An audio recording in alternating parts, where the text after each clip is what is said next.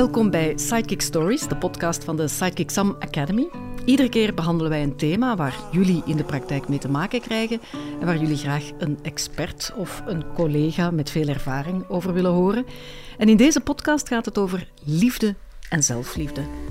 Hebben jongeren een achterstand opgelopen door corona op dit vlak? Hoe belangrijk ben je hierbij als leerkracht? Deze en veel meer vragen proberen we te beantwoorden in deze Sidekick Stories. En we doen dat met Veronica Tiers, educatief medewerker relaties en seksualiteit en begeleider bij Pimento, een organisatie die vorming geeft aan jongeren en al wie met hen werkt. En met Brecht de Geiter, leerkracht biologie en Engels en mens en samenleving in het secundair onderwijs, maar bij velen toch vooral bekend als deelnemer van Blind Getrouwd.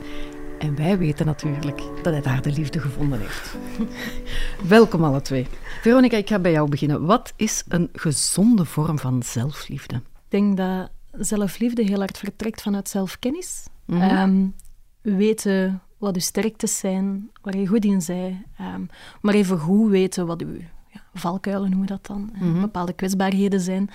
En dat eens dat je jezelf kent, het ook veel gemakkelijker is om uh, milder of begripvoller naar jezelf uh, toe te zijn. En ik denk dat eens dat je dat begrip voor jezelf kan opbrengen, uh, ja, dat dat een vertrekpunt is van, van zelfliefde en, en jezelf graag zien. Het lijkt mij heel moeilijk bij tieners, omdat die toch midden in een proces zitten van zichzelf te ontdekken. Ja, dat klopt. Ik denk dat tieners volop in een ontwikkeling zitten om een identiteit vorm te geven. En dat is alles wat je meegemaakt hebt, maar ook alles wat je nog gaat meemaken. De personen die je tegenkomt, de uh, relaties die je al hebt opgebouwd.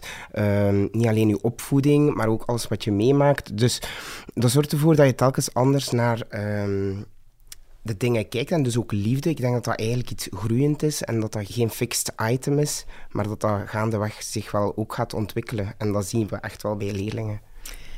Is er een gevaar als je over zelfliefde spreekt dat mensen dat verwarren met narcisme?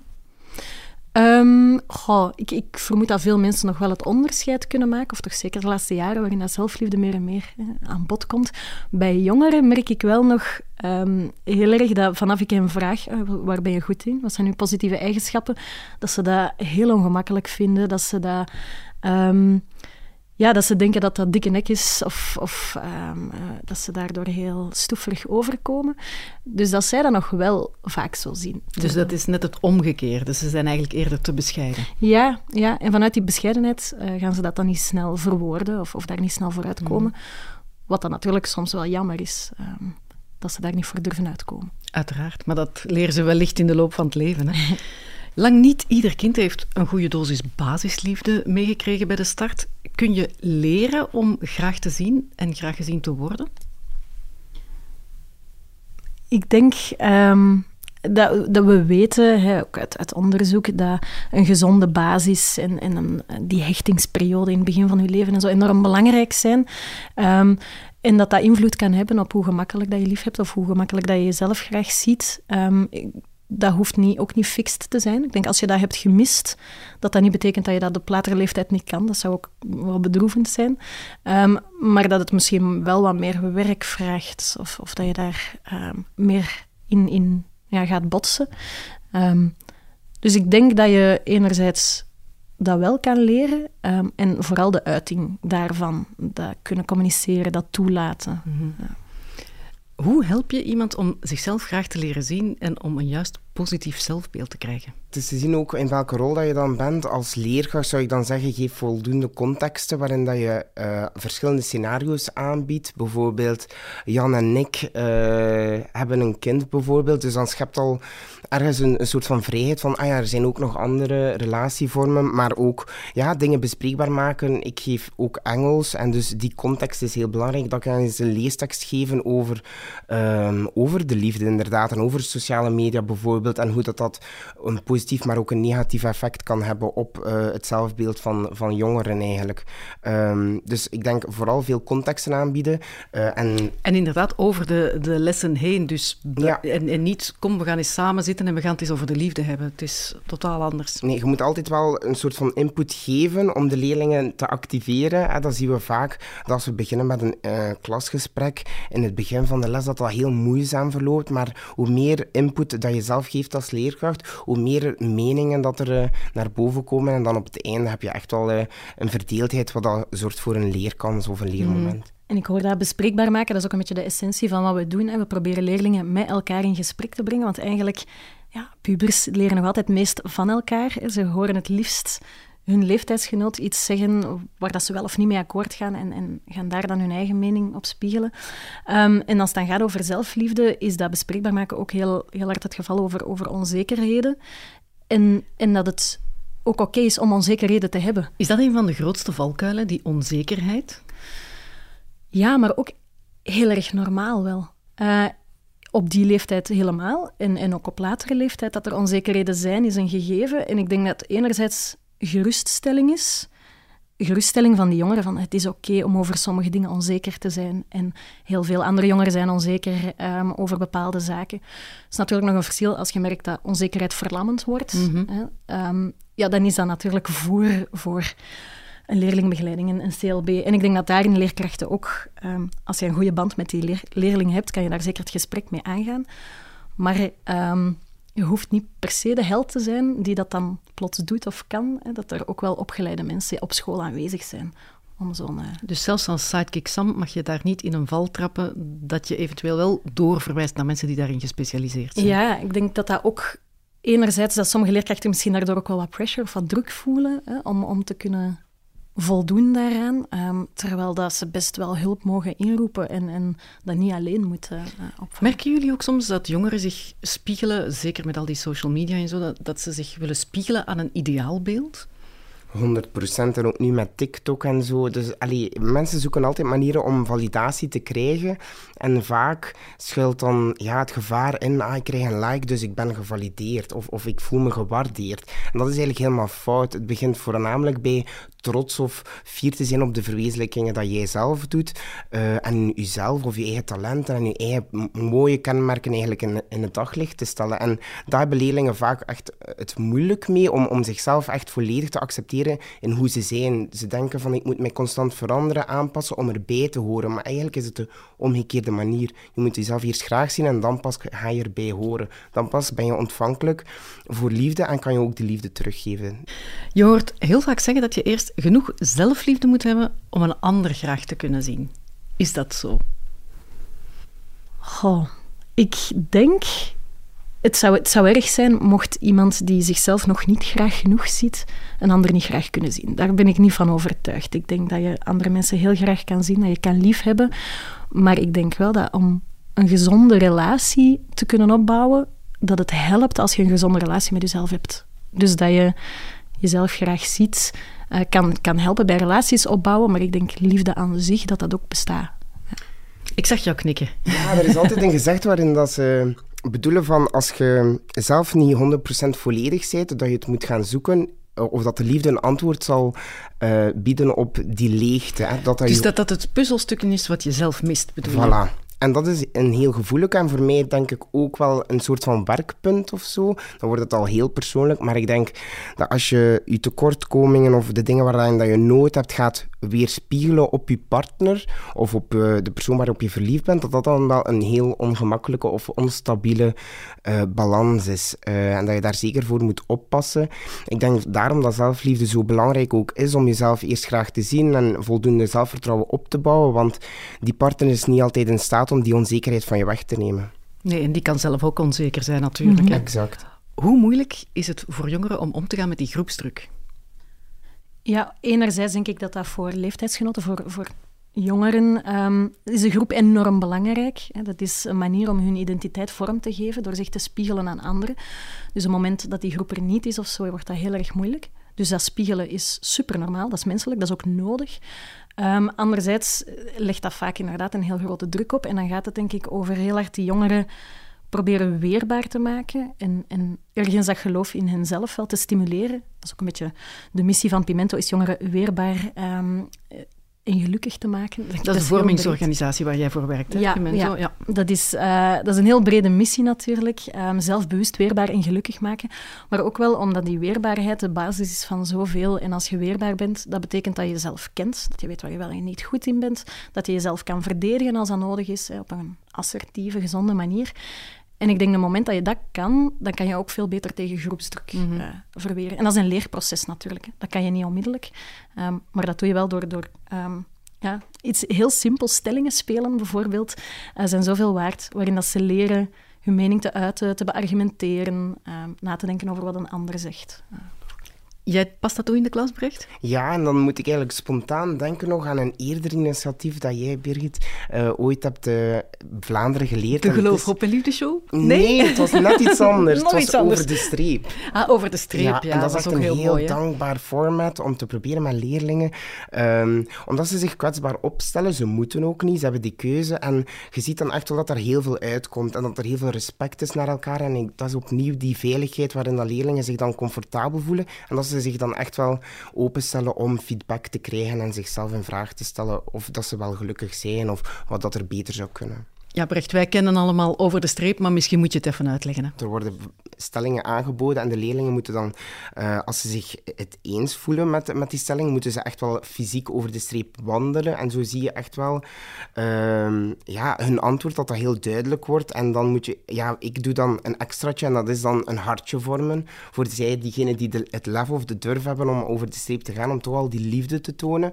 Uh, en in het begin klinkt dat heel cheesy en wollig, maar uiteindelijk is dat wel echt iets heel moois. En dan komen er daar heel wat traantjes bij te pas soms, of heel leuke, toffe gesprekken. Maar dat maakt dat die kwetsbaarheid zorgt ervoor dat, dat ze opengesteld worden aan, aan meningen van elkaar, van de klasgroep, en dat je daar in dialoog kunt gaan. Wat ik vooral heb gehoord, is dat ook uh, de hele stoere leerlingen zich kwetsbaar tonen en dat de anderen dan denken, ah, maar zelfs zij zitten met issues. Dus dat daardoor ook de groepsdynamiek en het begrip voor elkaar anders wordt. Zeker, en daarom ook dat we dat aan het begin van het schooljaar doen, om die groepsdynamiek al zodanig goed te krijgen, zodat een goed verloop voor uh, het verdere schooljaar kent. Ja. Neem je dan als leerkracht mee deel daaraan of niet? 100 procent. Ik denk als je van je leerlingen verwacht dat ze eerlijk zijn met zichzelf, dat je dat zelf ook moet doen. Ik ben heel hard. Uh, zij, mijn leerlingen zorgen ook voor een spiegel voor mezelf. Ik stel mezelf elke dag in vraag. Ook mijn lesgebeuren. Ja, daarom heb ik ook gekozen voor het onderwijs, omdat je blijft leren.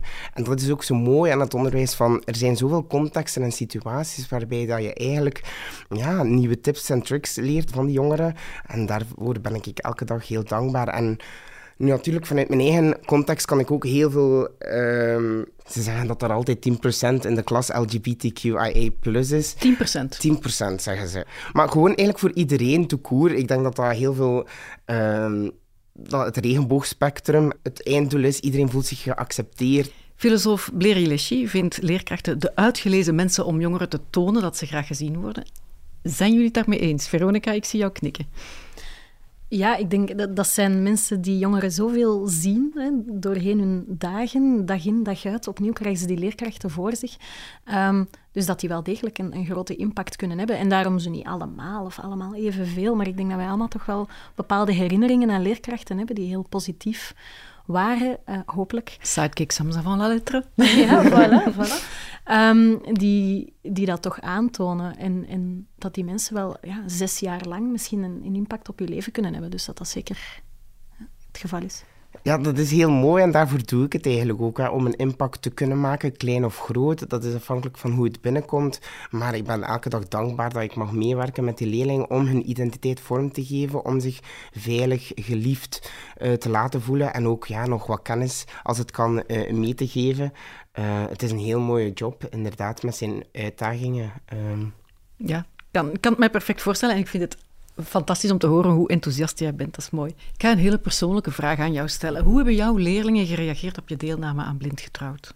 Ze waren super enthousiast. Um, ik, ja, ik denk dat ze mij allemaal eh, het beste toewensten. Uh, maar zij zijn ook vooral bezig dan met uh, de impact op sociale media, want dan volgen ze dan wel echt uh, regelmatig. En, en dat is wel iets dat ik meegeef aan mijn leerlingen, van kijk, er is heel wat ehm, media-aandacht dat erbij komt kijken, maar het is niet dat mijn leven nu veranderd is. En daar heb ik wel echt gezegd aan mijn jongeren van of de leerlingen in mijn klas, van vroeger ehm, op sociale media wou ik altijd wel een mooi beeld scheppen van mezelf. Dat is wat heel vaak mensen doen en dat is wel echt een valkuil.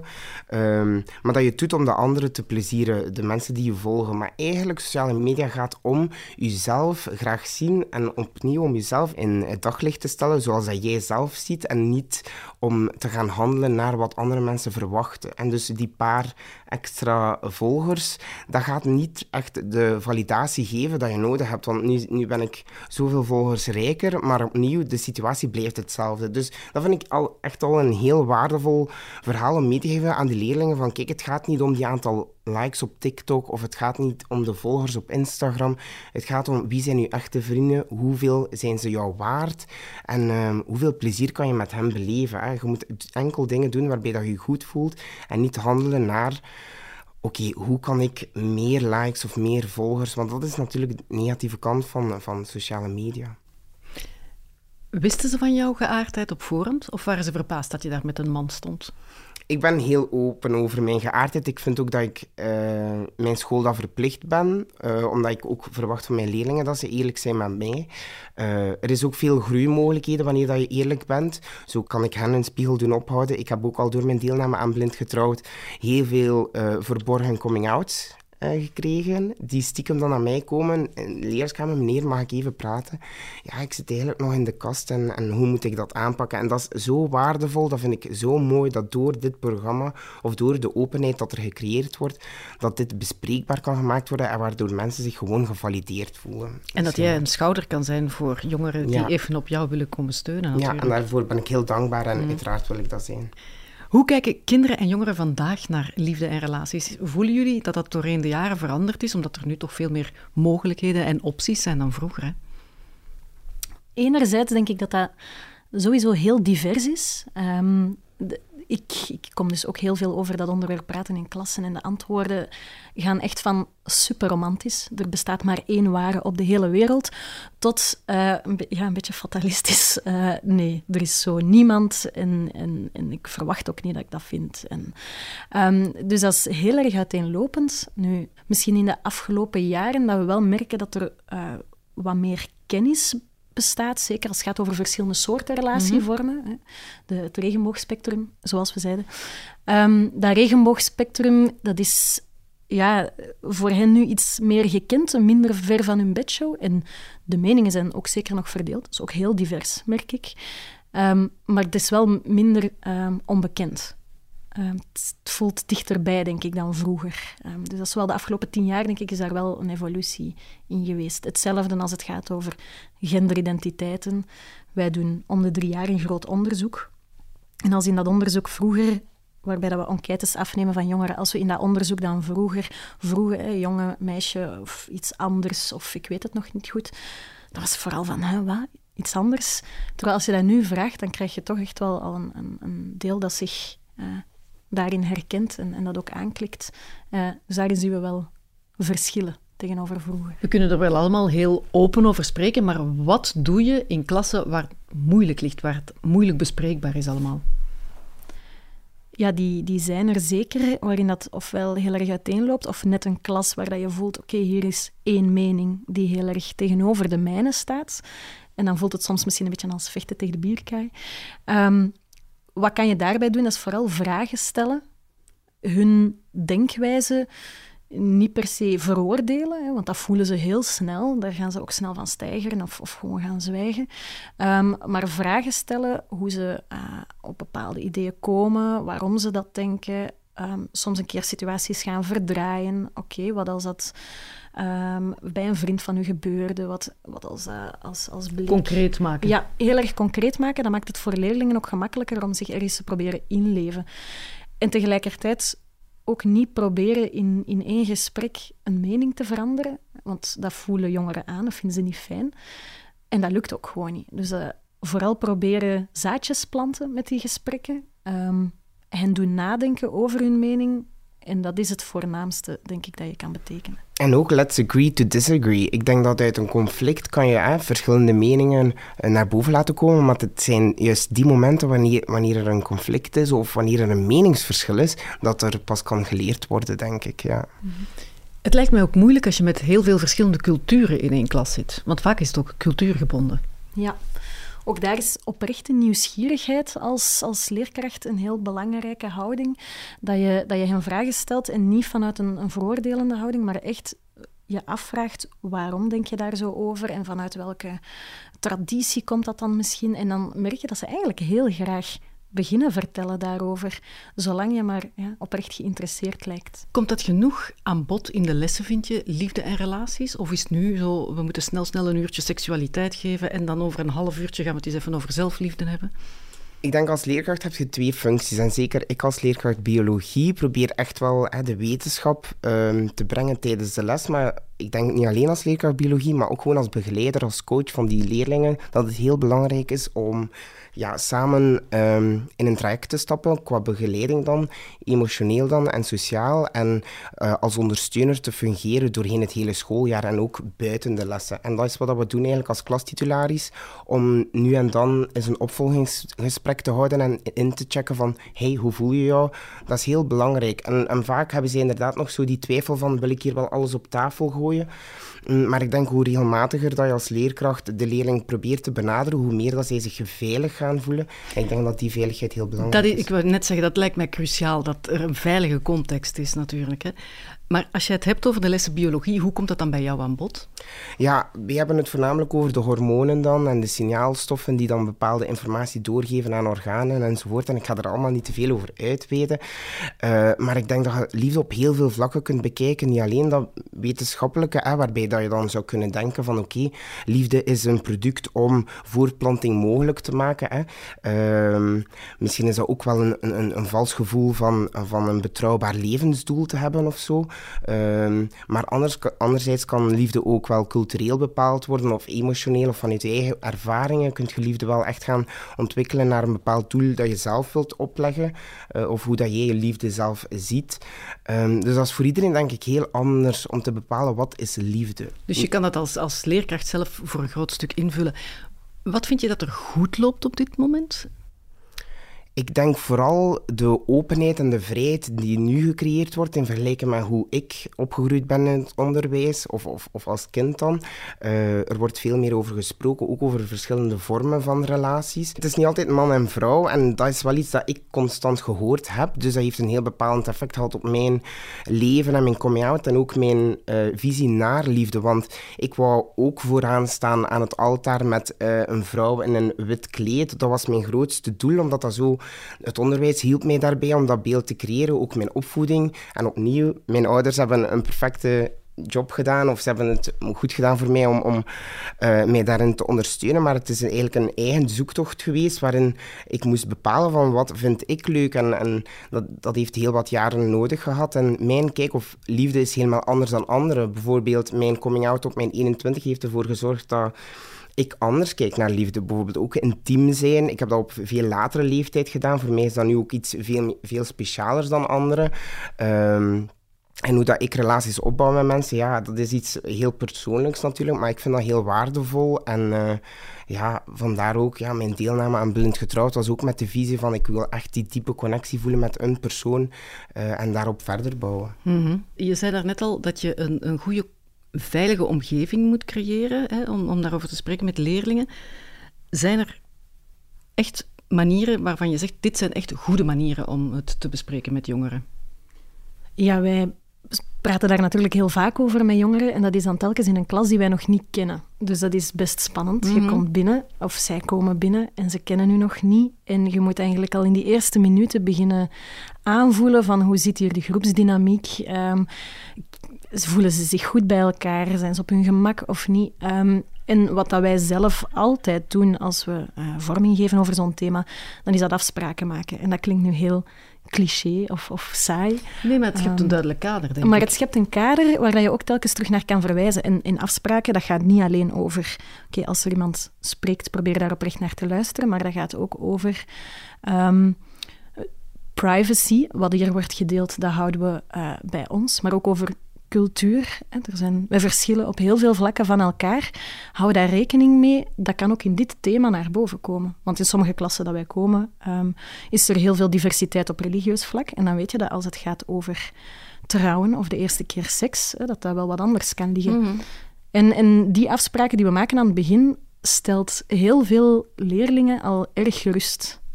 Um, daarbij voel je soms zo een, een zucht van verlichting gaan. Um, onder andere de afspraak, je moet niks delen. Hè? Dat is volledig je eigen keuze. We dwingen u nooit om een persoonlijk iets te delen. Uh, je mocht ook gewoon luisteren vandaag, als je dat liever doet, als je dat comfortabeler vindt. En dan zie je al veel van hen zo, ah, oké, komt hier wel goed. Ik kan me voorstellen dat het voor jongeren inderdaad een beetje awkward moet zijn om daarover te spreken. Ja, absoluut. Um, en dat voel je ook helemaal in het begin. Hè. Er hangt heel veel spanning in de groep. Hangt ook heel erg af van hoe ze zich bij elkaar voelen. Um, en meestal op het einde van de dag geven ze dan allemaal aan dat het minder awkward was dan ze mhm. dachten. En dat heeft natuurlijk ook veel met de aanpak te maken. Wij geven daar geen les over, maar we doen heel erg interactieve opdrachtjes, spelletjes, die eigenlijk vaak ook gewoon heel grappig zijn. Geef eens een voorbeeld. Goh, um, een, een klassieker die uh, al mijn collega's heel vaak doen, omdat die gewoon heel erg goed werkt, is een heel simpele ja-nee-kring. Waarbij we zitten altijd in een kring met een klasgroep. Maakt het ook al meteen wat minder mm schools. We zitten altijd in een kring. En dat is eigenlijk een stellingenspel, waarbij dat ik een stelling geef of een vraag stel en zij moeten opschuiven als hun ja, antwoord ja is of blijven zitten als hun antwoord nee is. Met als gevolg dat het kan zijn dat ze op elkaars schoot terechtkomen. Daarbij zeggen we natuurlijk ook, je moet niet op elkaar schoot terechtkomen. Hè. Je moet dat niet, als je dat niet wilt, dan ga je er gewoon achter staan. Maar het kan dus zijn dat ze op elkaar schoot zitten, met één, met twee of, of zelfs met drie of vier. En um, op die manier vraag je wel eigenlijk van iedereen een beetje een antwoord. Bijvoorbeeld, ik zou het oké vinden als mijn beste vriend uh, Holebi bleek te zijn. En ook de stillere leerlingen gaan wel een antwoord geven. Je kan hem dan ook bevragen, dat hoeft niet. Um, maar tegelijkertijd is dat ook heel speels, vinden ze dat heel grappig, wordt er eigenlijk best wat gelachen. Um, dus dat is een heel goede combinatie van je kan daar best wel wat diepgang in verkrijgen en, en heel boeiende gesprekken doorvoeren. Um, maar evengoed, die, die speelsheid blijft erin. En, Als er gelachen wordt, dan geeft het lucht natuurlijk. En blijft afwisselend en mhm. beweeglijk genoeg. Uh, ja. Maar de vragen moeten natuurlijk wel heel goed zijn dan ook, hè? Ja, ja. en ik heb zo'n gigantische lijst op mijn gsm staan met vragen die ik dan boven haal. Hoe kun je er als leerkracht mee voor zorgen dat jongeren op een veilige manier ervaring opdoen met liefdesrelaties en seks? Want dat lijkt mij een hele moeilijke materie. Ja, wij, wij raden eerst en vooral altijd aan um, op grenzen gaan en moeten ze sowieso wel botsen op een bepaald moment. Of, of, dat is een deel van dat leerproces, van die seksuele ontwikkeling die we allemaal doormaken. Um, is af en toe iets tegenkomen waar ze van achteraf denken, ah, dat was het niet. um, dus enerzijds ook niet willen overbeschermen, want op die manier groeit niemand. Maak je eigen fouten maar. Ja, en, en vooral als er dan fouten voorvallen, daar staan en opvangen. En, dat en leren ervan. Ja, en, en ook als leerkracht daar empathisch uh, met een warme, open houding voor klaarstaan. Um, want ja, fouten maken is menselijk en is ook nodig. Um, dus ik denk vooral niet te veel bepamperen of, of uh, heel erg met het vingertje uh, gaan wijzen, maar wel proberen dat gesprek, dat bespreekbaar maken, dat gesprek op gang brengen. Um, ja, ze naar elkaar proberen laten luisteren, um, meningen laten uitwisselen. Dat is denk ik dat je als leerkracht vooral kan doen. Wat als er iemand brecht met een gebroken hart voor jou zit in de klas? Hoe kun je daar als leerkracht op een goede manier op reageren? Um, ik denk als leerkracht vooral luisteren, opnieuw die veiligheid creëren. Maar spreek je dan zo'n leerling apart aan of, of doe je dat dan in klas? Ik moet eerlijk toegeven dat het soms heel moeilijk is om te zien wanneer dat leerlingen uh, herstellen van, van een break-up. Um, mm. Dus als, ik heb dat zelf eigenlijk nog niet meegemaakt of ik heb het niet gezien. En uiteraard zal dat waarschijnlijk al gebeurd zijn. Maar dat is ook eigenlijk uh, het probleem, of dat een uitdaging, zoals ik het zou ver, verwoorden, van om zo laagdrempelig mogelijk de communicatie met uw jongeren te krijgen, waardoor dat ze uh, die stap durven zetten naar de leerkracht. Uh, of omgekeerd, dat wij die naar de leerlingen kunnen doen. Ik denk voornamelijk hè, vriendjes en, en klasgenoten, dat zij de eerste buffer zijn en dat dat heel belangrijk is om zich gewaardeerd te voelen en, en gehoord te voelen. maar uiteraard als leerkracht kunnen wij ook heel wat doen voor hen. En ik denk dat die laagdrempeligheid, echt, dat we daar nog verder aan moeten werken. Ik hoorde van een leerkracht die zei, ik heb drie koppeltjes in mijn klas en ik zie die allemaal zitten dromen met vlinders in hun buik. Wat doe je dan? Concentratieproblemen zijn niet alleen uh, problemen die verliefde uh, leerlingen hebben, maar uh, ik denk dat om een positief klasklimaat te creëren, dat het heel belangrijk is om iedereen aan te spreken, ook zij die, die dromen, des te meer eigenlijk. Um, maar ik merk het wel vaak op. Mijn voelsprieten staan op scherp en dan zeg ik van, kan jij eens na de les bij mij komen? En dan hebben we een heel erg drempelig gesprek dus over hoe, hoe komt het dat je er even niet bij waart of je ziet er zo boos uit, is er iets? En zo'n laagdrempelige gesprekken zorgen echt wel voor die eerlijkheid en toch wel echt die, die eerste laag dat dan wegvalt en dat je dan echt wel tot een, tot een mooi gesprek kunt komen. Dat is een erg vaderlijke aanpak. Ja, ik wilde graag ook zelf vader worden, maar eh, ik denk dat ik heel bemoedelijk ben op dat vlak. Uh, om ja, zorgzaam om te gaan met, met de jongeren en niet alleen die kennis over te dragen, maar ook gewoon sociaal-emotioneel een goede coach te zijn voor hen. Ik vind dat echt wel... Uh... Hoe doe je dat dan? Hoe leer je hen echt praten over liefde en relaties onderling of, of met een volwassene? Door het te doen. En, en daar komen we niet altijd toe, of daar is er niet altijd tijd voor. Hè. Zoals je zegt, je ziet het ook gewoon niet altijd. Um, maar je kunt alleen maar leren door het te doen. Dus door daar echt af en toe tijd voor te maken. Door als leerkracht zelf die gesprekken te initiëren of externen uit te nodigen om die gesprekken te komen voeren. En ze leren ook van elkaar. Soms zijn er leerlingen in een klas die, die wat mondiger zijn of die gemakkelijker dingen verwoorden. Um, anderzijds zijn er ook leerlingen die soms heel stil zijn en dan op dat vlak de meest waanzinnige antwoorden plots geven. Dus door naar elkaar te luisteren en naar elkaar te kijken, uh, ja, leren ze heel erg. Gemiddeld krijgen jongeren tijdens de puberteit hun eerste echte ervaringen met relaties en seks. Hoe bepalend zijn die eigenlijk, die eerste ervaringen, voor de rest van hun leven? Ik ga daar uh, weer genuanceerd op moeten antwoorden, want dat is heel uiteenlopend. Ik denk dat sommige ervaringen echt wel een heel grote impact kunnen hebben uh, in die seksuele ontwikkeling. Anderzijds zijn sommige ervaringen nadien ook wel gewoon heel gemakkelijk te overschrijven met andere uh, ervaringen. Dus, dat, dus het is niet als je een negatieve ervaring hebt als tiener, dat dat dan bepalend is voor de rest van je leven? Nee. Leggen wij als samenleving te veel druk op seks en relaties, Veronica? Ik denk um, dat er wel veel aandacht naartoe gaat. Enerzijds omdat die ook wel heel erg nodig is, zoals we net zeiden, dat moet bespreekbaar worden enzovoort. Anderzijds denk ik dat het ook wel belangrijk is om even goed uh, te benadrukken dat dat allemaal niet hoeft als je die nood niet voelt. En dat doen wij ook soms als wij een uh, relationele seksuele vorming komen geven op school. Heb ik soms wel eens een jongere die heel erg weinig betrokken lijkt en uh, die mij ook ooit al eens heeft gevraagd van, ja, ik hou mij daar allemaal niet mee bezig. Ik denk niet dat ik dat ooit ga willen. En dan ook gewoon benadrukken van dat dat ook helemaal oké is. En dat ook proberen in uw les of in uw vorming daar ook in te steken. Dat niet iedereen die nood heeft. Ik kan mij inbeelden dat het dan soms voor hen wel als veel aanvoelt. Mijn opa Zaliger die zei uh, toen ik nog jong was: Ja, uh, twee jongeren die verliefd worden, dat is toch gewoon kalverliefde. En ik vroeg aan mijn opa, ja, kalverliefde, wij zijn toch geen koeien?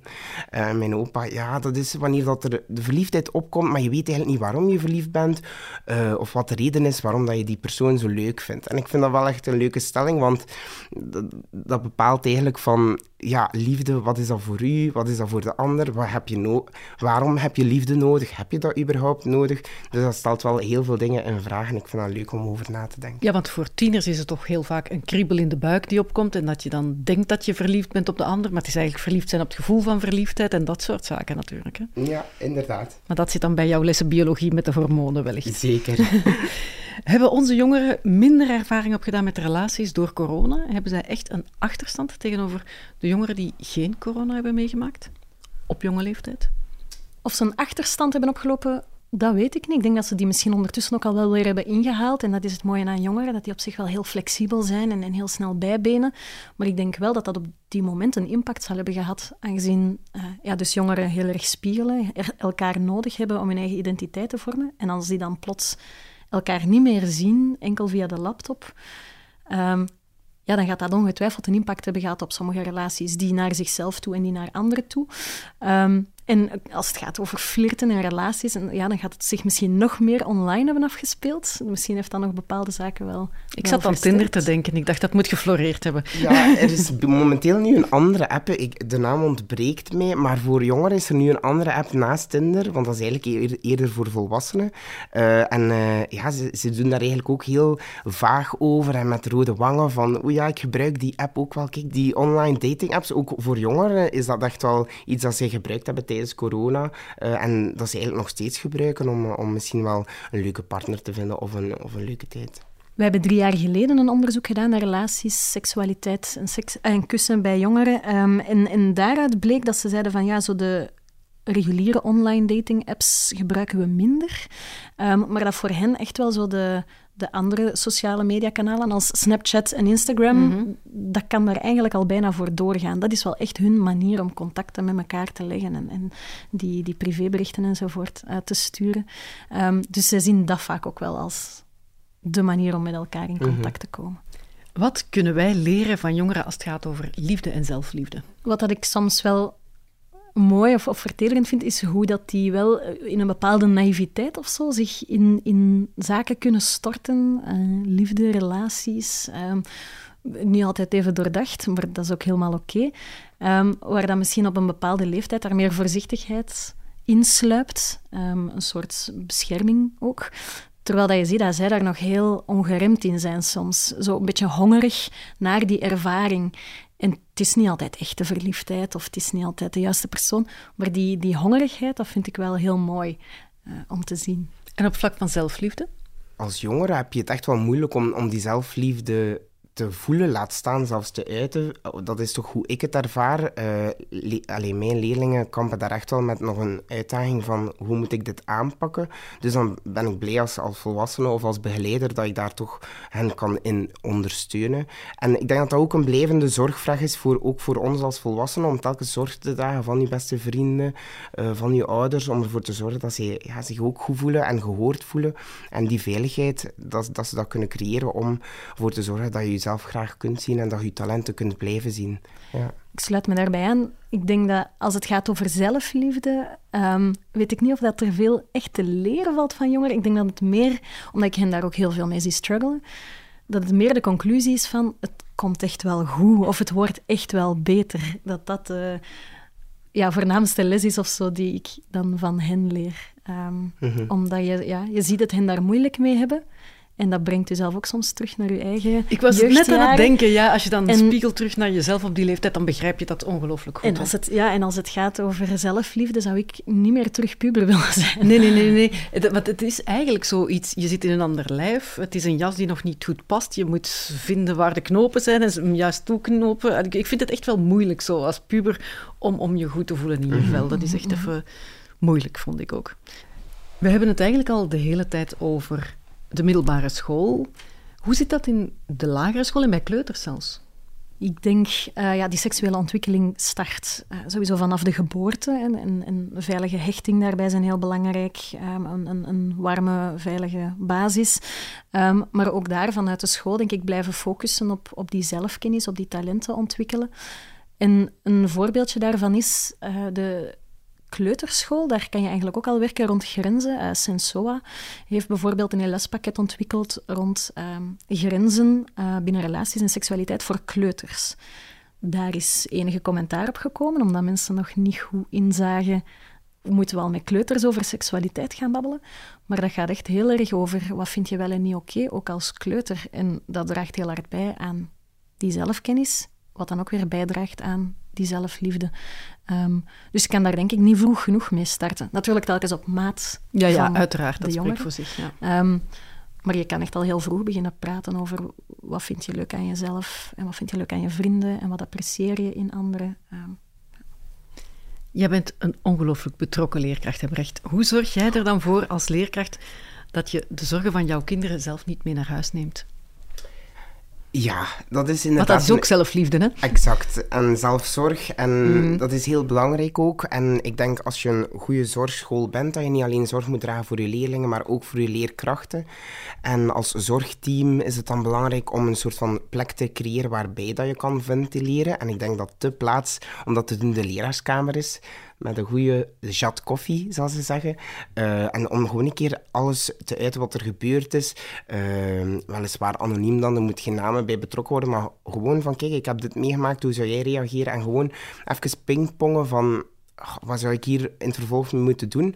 Dat al heel wat helpt om, om, om dat probleem even uh, te kaderen en, uh, en om die begeleiding niet te nauw aan, aan je hart te laten komen, want dat is wel echt iets waar ik ook voor moet opletten. Je hebt met mensen te maken, hè? Exact. Ja. En dat raakt u uiteraard, mm -hmm. en dat is ook het mooie aan de job.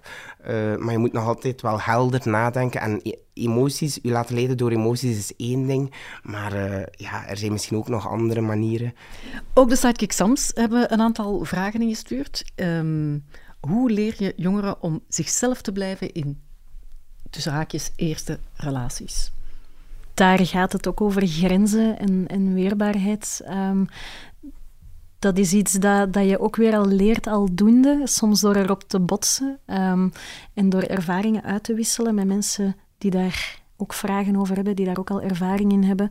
Um, dus enerzijds, ja, die gesprekken voeren. Wat vind je wel en niet belangrijk in een relatie? Uh, wat vind jij te jaloers? Wanneer uh, word je ambetant? Uh, wat vind je wel of niet leuk van je vrienden? want die relatie, dat gaat niet enkel over liefdesrelaties, maar over vriendschappen. Um, wanneer ben je nog jezelf of wanneer ben je aan het pleasen heel de tijd? Ja, ja. en dat zijn weer al gesprekken die je aan de hand van, van verschillende werkvormen, methodieken kan voeren met leerlingen, waarbij ze ook elkaar antwoorden horen geven. En als iemand dan zegt van, oh ja, mijn lief per se mijn gsm kijken en dat vond ik eigenlijk echt niet leuk en toen hebben we ruzie gehad, waar dan misschien een andere leerling door gaat nadenken, ah, die van mij doet dat ook, maar ik vind dat eigenlijk helemaal geen probleem. En op die manier uh, laat je door elkaars ja, meningen of inzichten uh, ze tot, tot hun eigen ja, grenzen of waarheden komen. Hoe kunnen liefde en relaties jongeren positief beïnvloeden? Ik denk dat je nog, nog meer te weten komt hoe uh, dat je in het leven staat, wat je nodig hebt, wat je leuk vindt. En dat je daardoor heel veel plezier ook kunt maken en dat je die verbinding aan kunt gaan, of dus die relatie. En niet alleen liefdesrelaties, maar ook met je vrienden, met je ouders, met iedereen die je dierbaar zijn. Ik denk dat die connecties enkel maar versterken wanneer dat je uh, liefde ervaart of wanneer dat je uh, die zelfliefde ervaart. Ja. Je wordt er een sterker mens door? Ja, ik was mij aan het afvragen. In mijn ogen is liefde een beetje de essentie, hè? toch voor al die relaties rondom jou. Um, wat het zou zijn als er geen liefde was. Ik denk dat het een beetje ook gewoon de, nut van alles uh, wegvalt. Hè? Waarom ben je hier dan? Uh, maar dat is misschien al een heel zweverig antwoord. Maar ik denk dat liefde een soort um, ja, nut geeft aan leven ook wel. Een doel? Een doel, ja. De, de reden waarom het leven ook wel heel plezant kan zijn, zoals mm -hmm. jij al zei. Uh, mm -hmm. Ja, het is leuker dan alleen zijn, hè? Ja. Mm. En nog een vraag van onze sidekick Sams is, hoe belangrijk is de rol van vriendschap in dit alles? Ja, ik denk dat je van je vrienden enorm veel leert. Dat zij echt een, een spiegel zijn.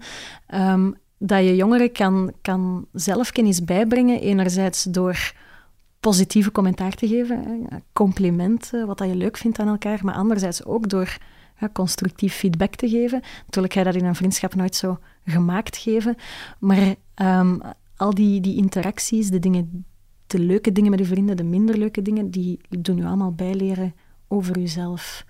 Um, en dat is wel echt essentieel uh, in, in die ontwikkeling. Vriendschap is dus een hele goede basis voor liefde absoluut. Dankjewel Veronica Tiers en Brechte Geiter voor dit gesprek en om jullie expertise te delen met de collega's van de Sidekick Sam Academy. Graag gedaan, dankjewel. Heel graag gedaan.